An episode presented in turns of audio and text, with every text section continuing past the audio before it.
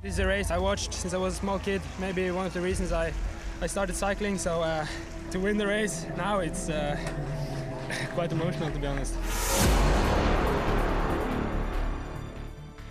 Hjertelig velkommen til en ny episode av jubileumspodkasten til Arctic Race of Norway. Det er i år ti år siden første utgave, og vi gleder oss enormt til den tiende utgaven som starter i Kautokeino 17.8 og avsluttes på Nordkapp den 20.8. Det blir episk. I går var vi i Tromsø eh, og hos Nordlys, og nå har vi kommet til Finnsnes og Folkebladet. Mitt navn er Roger Solheim, og med meg her har jeg Dag Otto Lauritzen, som er TV 2-profil og tidligere proffsyklist. Velkommen til oss. Takk for det. Vi har også med oss eh, tidligere verdensmester Tor Hushovd. Hallo, hallo. Og så har vi med oss sjefsredaktøren i Folkebladet, som er vertskap for eh, innspilling av denne podkasten. Steinulf Henriksen, velkommen. Takk, takk. Eh, og vi har også med oss noen flere gjester som vi skal introdusere etter hvert. Men eh, aller først må vi si at Finnsnes har vært vertskap for Arctic Race of Norway to ganger. I 2015 og 2021, og begge gangene gikk ruta rundt Senja. Eh, Men før start i 2015, Knut Erik eh, Dybdahl, du er daglig leder i Arctic Race Norway, og må jo også ønske deg velkommen til denne podkasten. Jo, takk, takk for det. Takk for det. før, før, før eh, start i 2015 så, så var du litt nervøs. Ja, var, var litt nervøs. Ikke nervøs i forhold til at uh, sykkelrittet har jo gått sin eh, vanlige gang, men jeg husker utrolig godt at uh, etter målgang på Setermoen uh, på, på fredag, så eh, skulle vi da starte på, på Finnsnes. Og på kveldinga så kom havtåka eh, godt innover, og det lå som et teppe over, over Senja og, og innover her i Lenvik og, og Finnsnes-området. og Vi snakka liksom at nå skulle vi liksom vise fram Norge i miniatyr, som vi kalte det. Og dette var jo dronningetappen, hvor vi da skulle gå rundt Senja og vise det som eh, virkelig vi har å, å by på på én plass i Nord-Norge, gjennom Senja. Eh, og vi tenkte veldig mye på det. Eh, Men morgenen etterpå, og når vi da våkner opp, så ser vi at eh, havtåka begynner å vinke til oss, og hun trekker seg ut i, i havet igjen. og Sola skinner fra en eh, blå himmel, og vi kunne glede oss til en ordentlig eh, sykkelfest eh, i, eh, i Lenvik og rundt Senja, og ikke minst hvor vi skal ende opp i, i Målselv. Så eh, nervøsiteten den ble borte etter hvert, og det var kun glede. Mm, Ja, for det ble jo en fin etappe og flott vær og, og nydelige TV-bilder. Og eh, Jean-Etienne Am- Amary, som er sjef for ASO, som er den franske partneren til Arctic Race of Norway, sa at uh, han trodde ikke det var mulig. Vi må tilbake til Senja, sa han etter å ha sett uh, TV-bildene.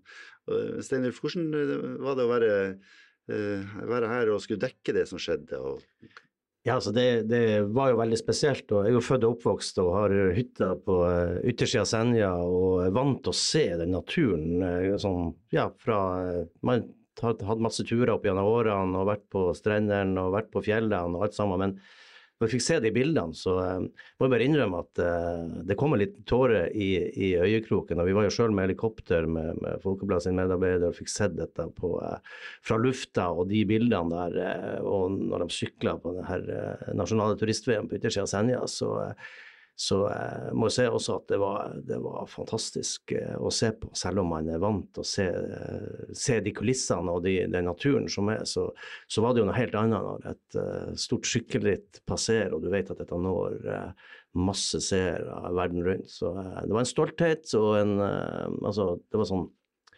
Vi begynte jo bare å glede oss til neste gang. jeg, jeg, jeg, husker, jeg, jeg husker også at, jeg må jo også si en ting som jeg husker òg i, i forhold til oppkjøringa når vi skulle til, til Senja. Eh, første, første gang i 2015 så var det også veldig snakk om veier og veistandard og tunnelstandard og hvordan ting var. Eh, men det ble faktisk sånn heven seg til til at man da sørga for at det ble lagt i eh, asfalt eh, der det var hold og ja, langs veien. Og det var jo et kjempestrekke, ikke sant? så det, var, det så jo ikke ut, altså men det var flott. Det ble veldig fint, altså, men det så jo ikke ut, og folk begynte å henge seg over at vi kan jo ikke la det det kan ikke se sånn ut når vi har det, men jeg husker jeg sa at dere må ikke tenke sånn, dere må se på det at dette er jo, det er jo kunst å kunne se veien som et eh, lappeteppe. Men det, det var jo kjempegod asfalt og kjempe, kjempebra, men, men alle var litt nervøse for, for akkurat det. Og jeg husker at det var litt sånn avisskriveri om, eh, om det. Ja, det var litt sånn der kom at å ja, nå kommer asfalt. ja, ja, vi har venta ja. på i årtier og sånn. Så. Men det lappeteppet gjennom over Svandalen, Svandalen ja. det så ganske fascinerende ut, absolutt. Så.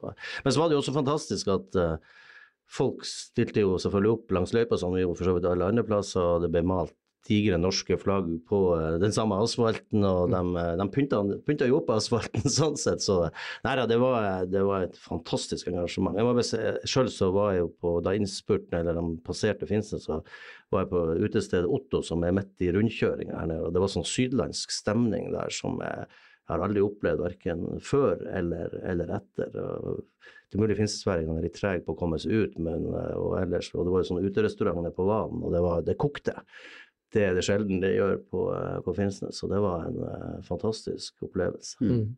Når vi snakker om folkelivet, Dag Otto, du kjører jo eh, foran eh, syklistene og, og, og, og møter, møter, folket som lager sprell eh, langs eh, løypa. Hvordan var ditt inntrykk av, av Senja den gangen?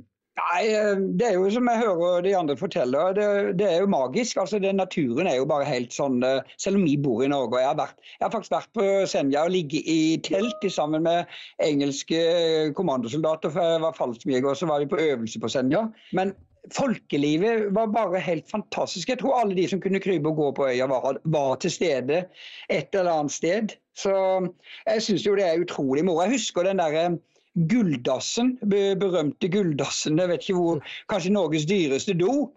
Eh, jeg måtte jo inn der og prøve den. Eh, og det, det sto jo kø, så jeg måtte jo snike meg i køen, for jeg hadde ikke tid til å vente til alle de var ferdige for å besøke den doen. Så, så det var kjempemoro. Og jeg hadde med meg min gode venn eh, Toby og fotografen. og vi la, Linde Han var ikke med inne på doen, men han sto på utsida og filma. Sveinulf, kosta doen eh, så enormt mye? Nei, eh, det var vel noen millioner. Ja, det er Norges dyreste do, det er ingen, eh, ingen tvil om det. Og den er jo gullforgylt, som, som man sier her. Så det ja, Jeg husker ikke prisen, men det var noen uh, saftige millioner i hvert fall som ble brukt der ute. Det har jo blitt en attraksjon i seg sjøl, så det må jo ha vært en, sånn sett fornuftig investering. Ja, kan du tenke deg hvis de har bygd ti vanlige toalett isteden, som mange har tenkt på. Det, det er én do der, så har du ikke min oppmerksomhet rundt det i hvert fall. En do og lang kø.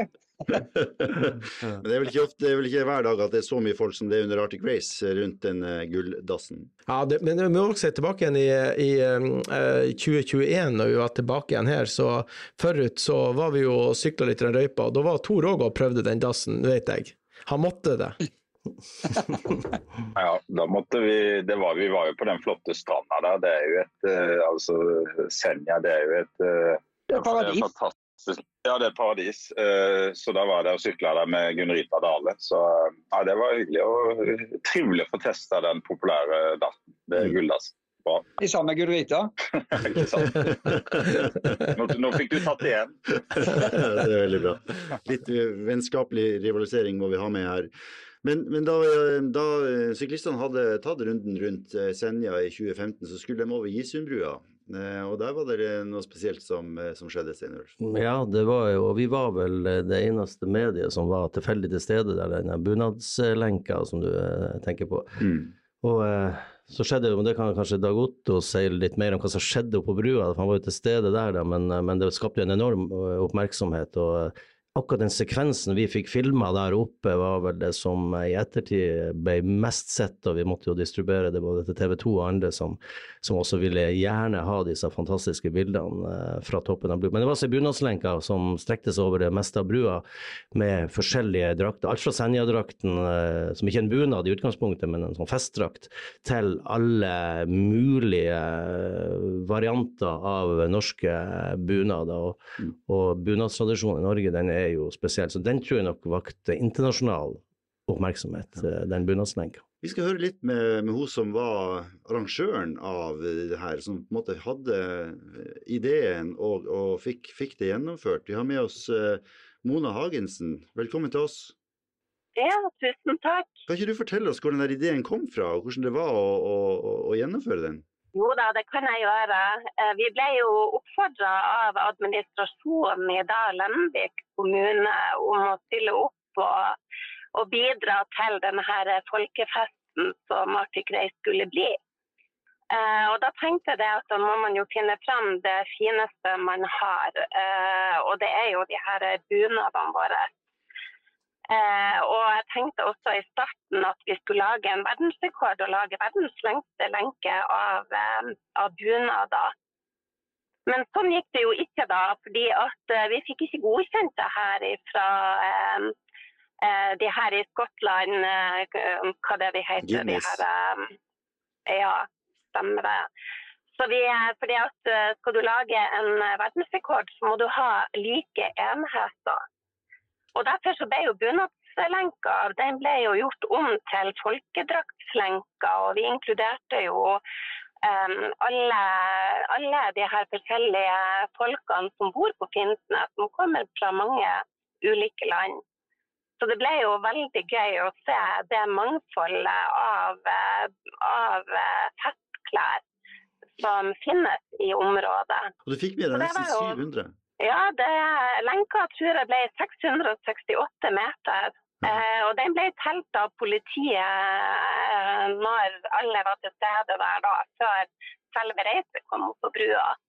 Så det var utrolig gøy. Og for å få det til, så, så engasjerte jeg næringslivet og lagde masse blest om det i forkant. da. Så det, det ble et kjempeengasjement, og det ble veldig gøy. Uh, uten tvil en av de flotteste dagene i mitt liv, i hvert fall.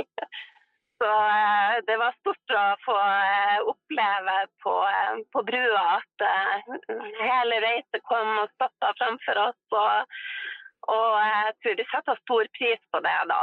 Ja, jeg husker Mona, eh, når eh, du tok kontakt med meg angående at du hadde lyst til å, å gjøre dette, og, og, muligheten til å ja, både å bli vist fram og ditt engasjement for å rett og slett få dette til. og Det må vi gi deg òg eh, den aller største æren for at det skjedde. og Vi har jo nettopp vært inne på, på hvordan du både organiserte det og hva det da ble til. Men jeg husker òg veldig godt at når vi da eh, skulle starte her på Finnsnes, og skulle kjøre ut litt som eh, vi var inne på her sånn innledningsvis òg, så eh, var det jo et spørsmål om vi kunne gjøre noe helt spesielt for dere på, på brua.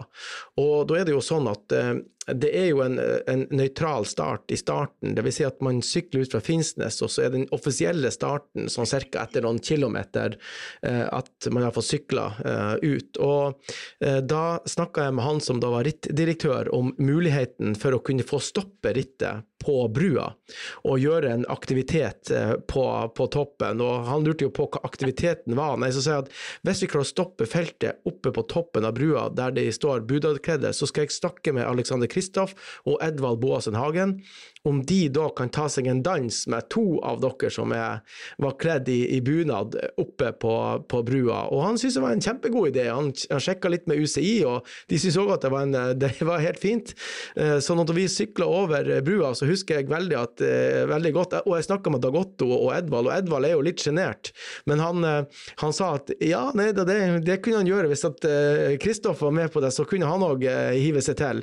Så da Vi kom opp på brua, og vi stoppa feltet. og og jeg husker at jeg gikk ut av bilen og jeg holdt syklene til de begge, og eh, de dansa da med dere på, på toppen av, av, brua. og Du skal få fortelle sjøl om, om, hvordan du følte det var. Men vi hadde òg ei utfordring. Det var det at eh, Vi hadde jo live TV-sending fra starten av, men vi hadde litt problemer med med flyet og kontakten med, med, satellitter og andre ting helt i starten av, av, rittet. Så de bildene som vi produserer der, det fikk ikke vi med oss. Så eh, hvis at nå redaktøren eh, sier at han har et klipp av akkurat det, så må vi si at når podkasten blir lagt ut, så må vi få Folkebladet til å legge den filmsnutten ut òg samtidig, så vi kan få se på det øyeblikket, for det var, det var helt, helt spesielt. Dagotto, fikk du med deg de som sto eh, over brua, du og Tor? Ja, om jeg gjorde. Altså, jeg og Toby stoppa jo uh, flere steder, og vi lagde jo en, rapportasje fra den broa. Jeg har aldri sett så mye bunader i mitt liv. Jeg har sjøl bunad fra Setesdalen. Skulle gjerne hatt den med meg der og da, uh, men uh, nei, det var et fantastisk syn. Så det er absolutt et av de mest imponerende øyeblikkene når jeg tenker på at du samler så mange bunader på et sted. og så Et fantastisk turiststed i tillegg, med den utsikten på broa.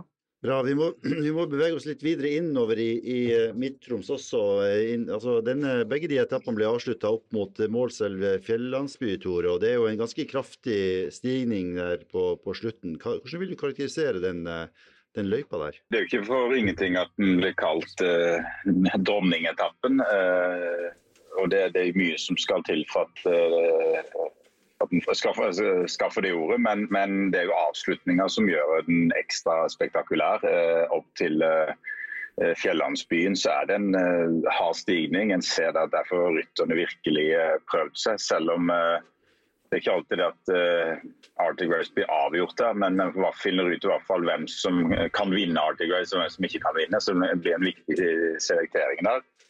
Uh, og, og, det skjedde det året med en, en, spennende avslutning, en thriller, der uh, det var vel Ben Herman som uh, dro, dro, det i land i 2015. Husker du hvem som dro det i land i 2021? I 2021 Var det ikke samme navnet? Det, ja, det var Ben Hermans fra Israel. Ja, ja det var det. Mm. Så han vant begge, begge utgaver, både i 2015, eller den etappen, da, og i Bare at man sykla motsatt vei da, i, i, i 2021. Mm. På Senja, da, vel å merke. Mm.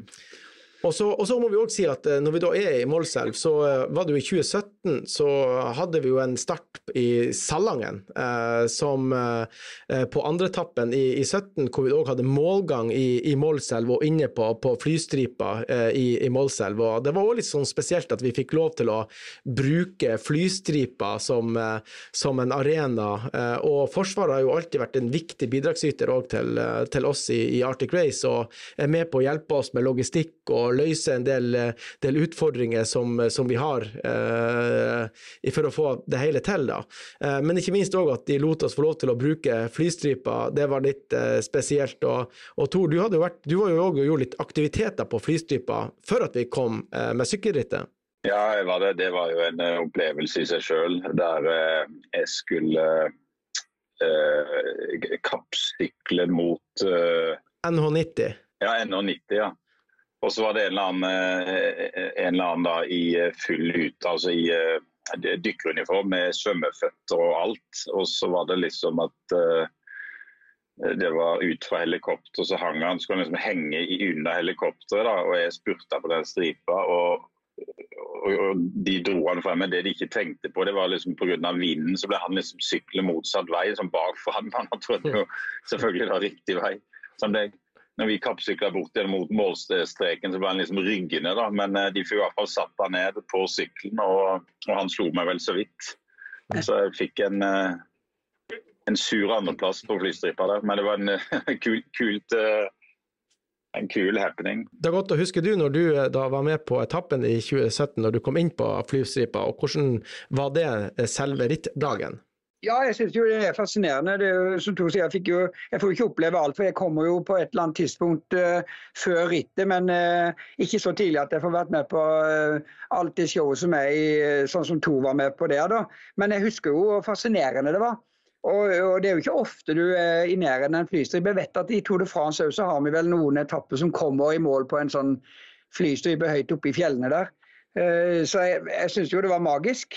Men jeg, jeg, husker jo en del andre ting. Altså, var, ikke, var, det ikke første gang de hadde laks uh, som premie i, um, i Arctic Race of Norway, og plutselig så kommer det en utlending skal ha 500 kilo laks. Det er ikke lett å få med seg hjem. Det ble jo attraktivt. Ja, ja, ja, og det, det, har du helt rett i. og Vi kan snakke litt om, om det òg.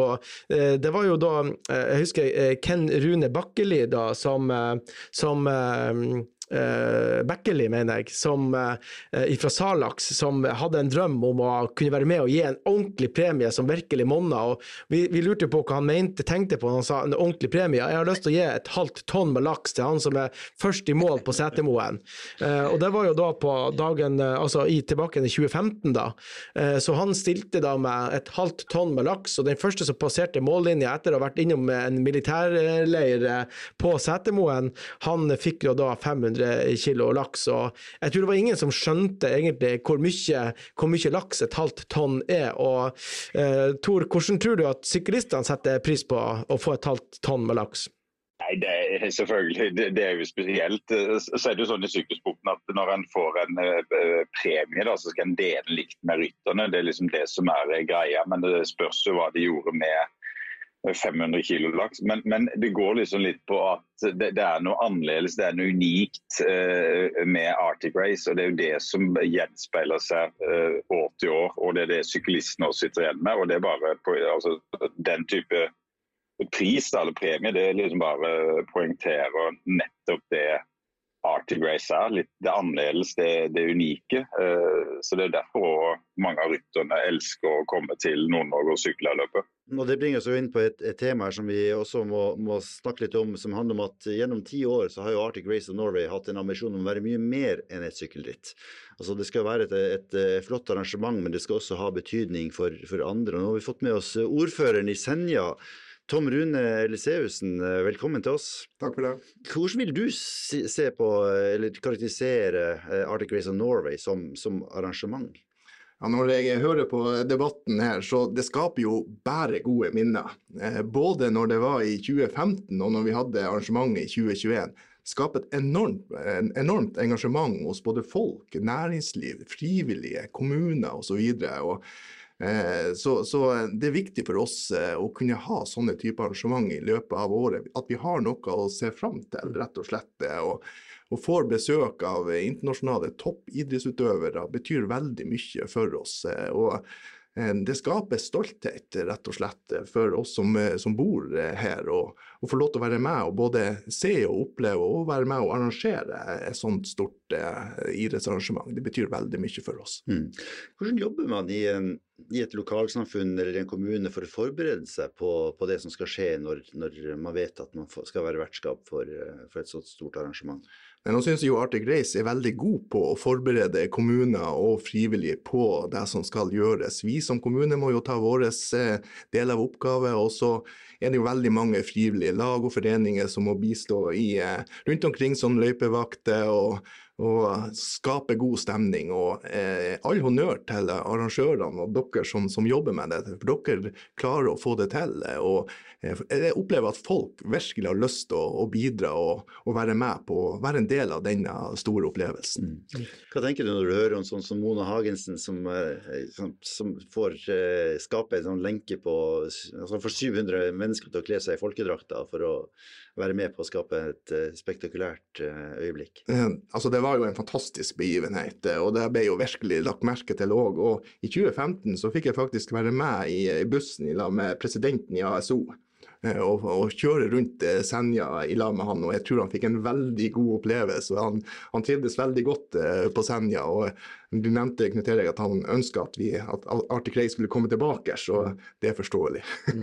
og, det, og, og, det, er jo sånn at eh, I en tidligere episode her så har vi jo snakka om at, eh, at, Arctic Race betyr noe òg for, for, for, veldig mange. Og bredden, både unge, men ikke minst òg eldre. Og Jeg husker òg i 2021, da vi var her sist, men da vi hadde starten dagen etterpå, så snakka du, eh, Dag Otto, med, med ei dame.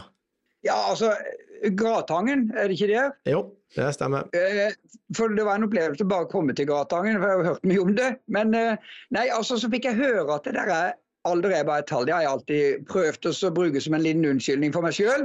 For jeg begynner jo å komme opp i et skremmende tall. Men så fikk jeg høre at det var ei sprek dame der i bygda som var 103 år, og hun måtte jeg besøke. Så traff jeg den damen, og husker jeg dessverre ikke hva hun heter. Men hun var krystallklar i hodet, og vi hadde en hyggelig prat. Og hun syntes det var så fantastisk å se alle disse som sykla. For hun, hun sa jeg har sykla hele mitt liv. Dessverre så har hun vært et, ute for et lite uhell, så nå kunne hun ikke akkurat sykle. Men hun var ute hver eneste dag. Hun var 103 år. Hun hadde sykla hele sitt liv, sa hun helt siden hun, hun kunne lære, siden hun lærte å sykle. Og anbefalte alle å trimme. Hverdagstrimmen det er jo noe jeg brenner for sjøl, men for ei dame. Altså, det er rett og slett sånn at du blir helt målløs.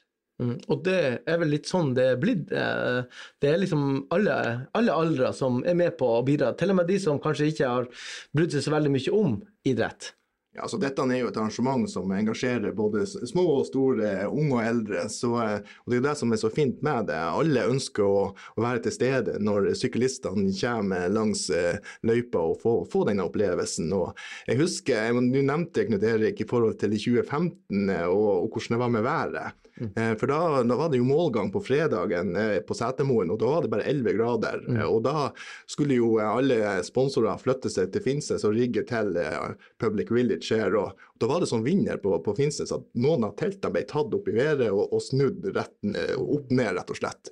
Og, men dagen etterpå, når løpet skulle gå, så var det altså over 20 grader. Fantastisk eh, mm.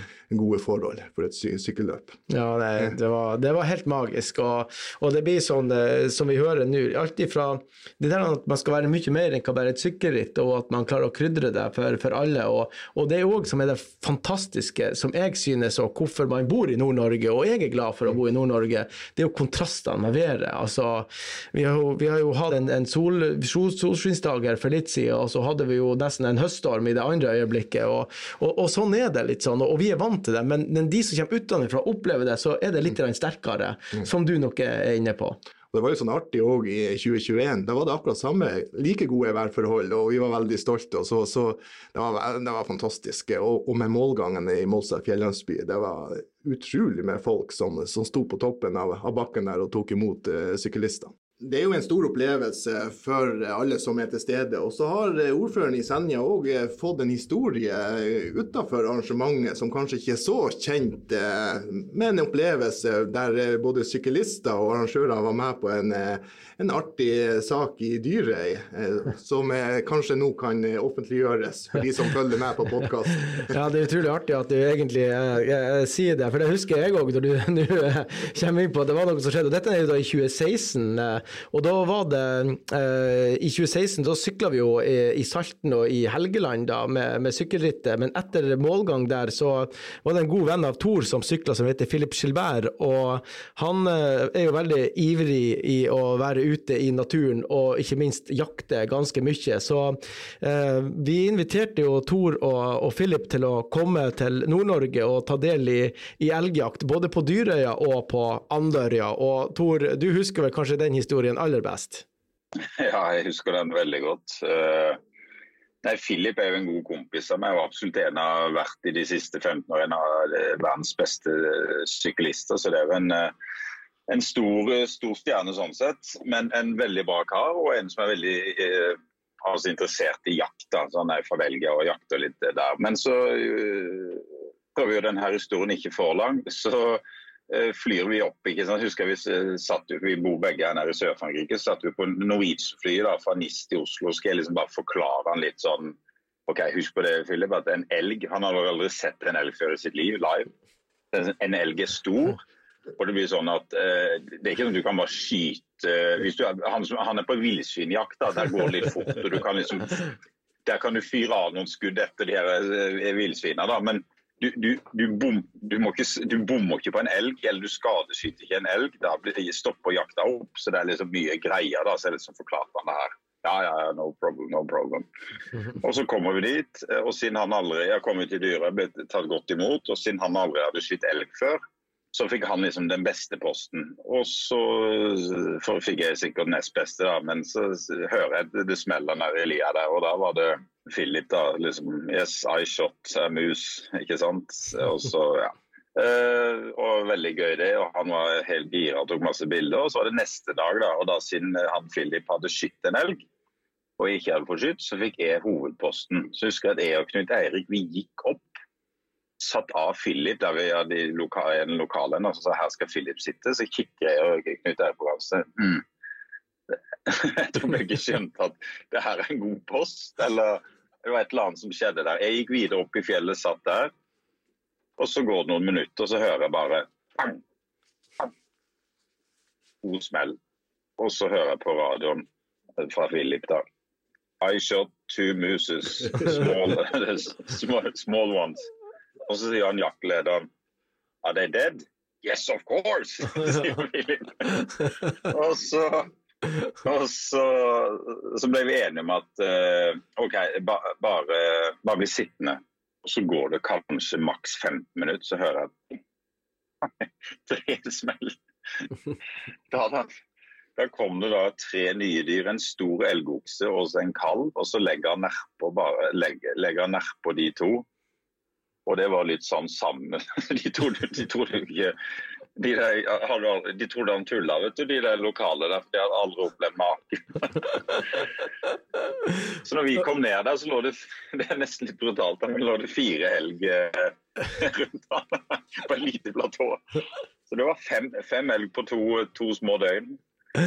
Ja, det var helt sykt, og vi husker jo det utrolig godt. Men eh, jeg må òg si at vi må, vi må, gi en god takk til, eh, til elgjaget på elg, eh, det jaktlaget på, på, Dyrøya, og ikke minst på Andørøya, som tok oss med på, på jakt. og det var, en, det var, en, stor opplevelse for Filip, som aldri hadde sett en elg, som Tor sa. Men det var òg en like stor opplevelse for Tor, som hadde aldri opplevd at det kom så mye elg inn på en post på en gang. jeg, fikk, jeg fikk ikke se de da. Ja, det er fantastisk. Arctic Race of Norway er jo full av, eh, av historier og, og, påfunn og, og, og, sprell. og Vi har hørt om eh, en del av det i dag, med 500 kg laks til, eh, i premie og, en bunadseng over Isandrua. I neste episode skal vi til Narvik og høre om da de planla å ha avslutninga på en tappe på toppen av alpinanlegget. Så eh, hvis dere er interessert i å høre mer om det, så heng med på neste episode. Men i dag sier vi takk til de som har vært med eh, i dag. Det var veldig spennende å høre om de tingene som har skjedd her i området, på Finnsnes og rundt Senja og i Midt-Troms. Og neste gang så skal vi altså til, eh, til Narvik.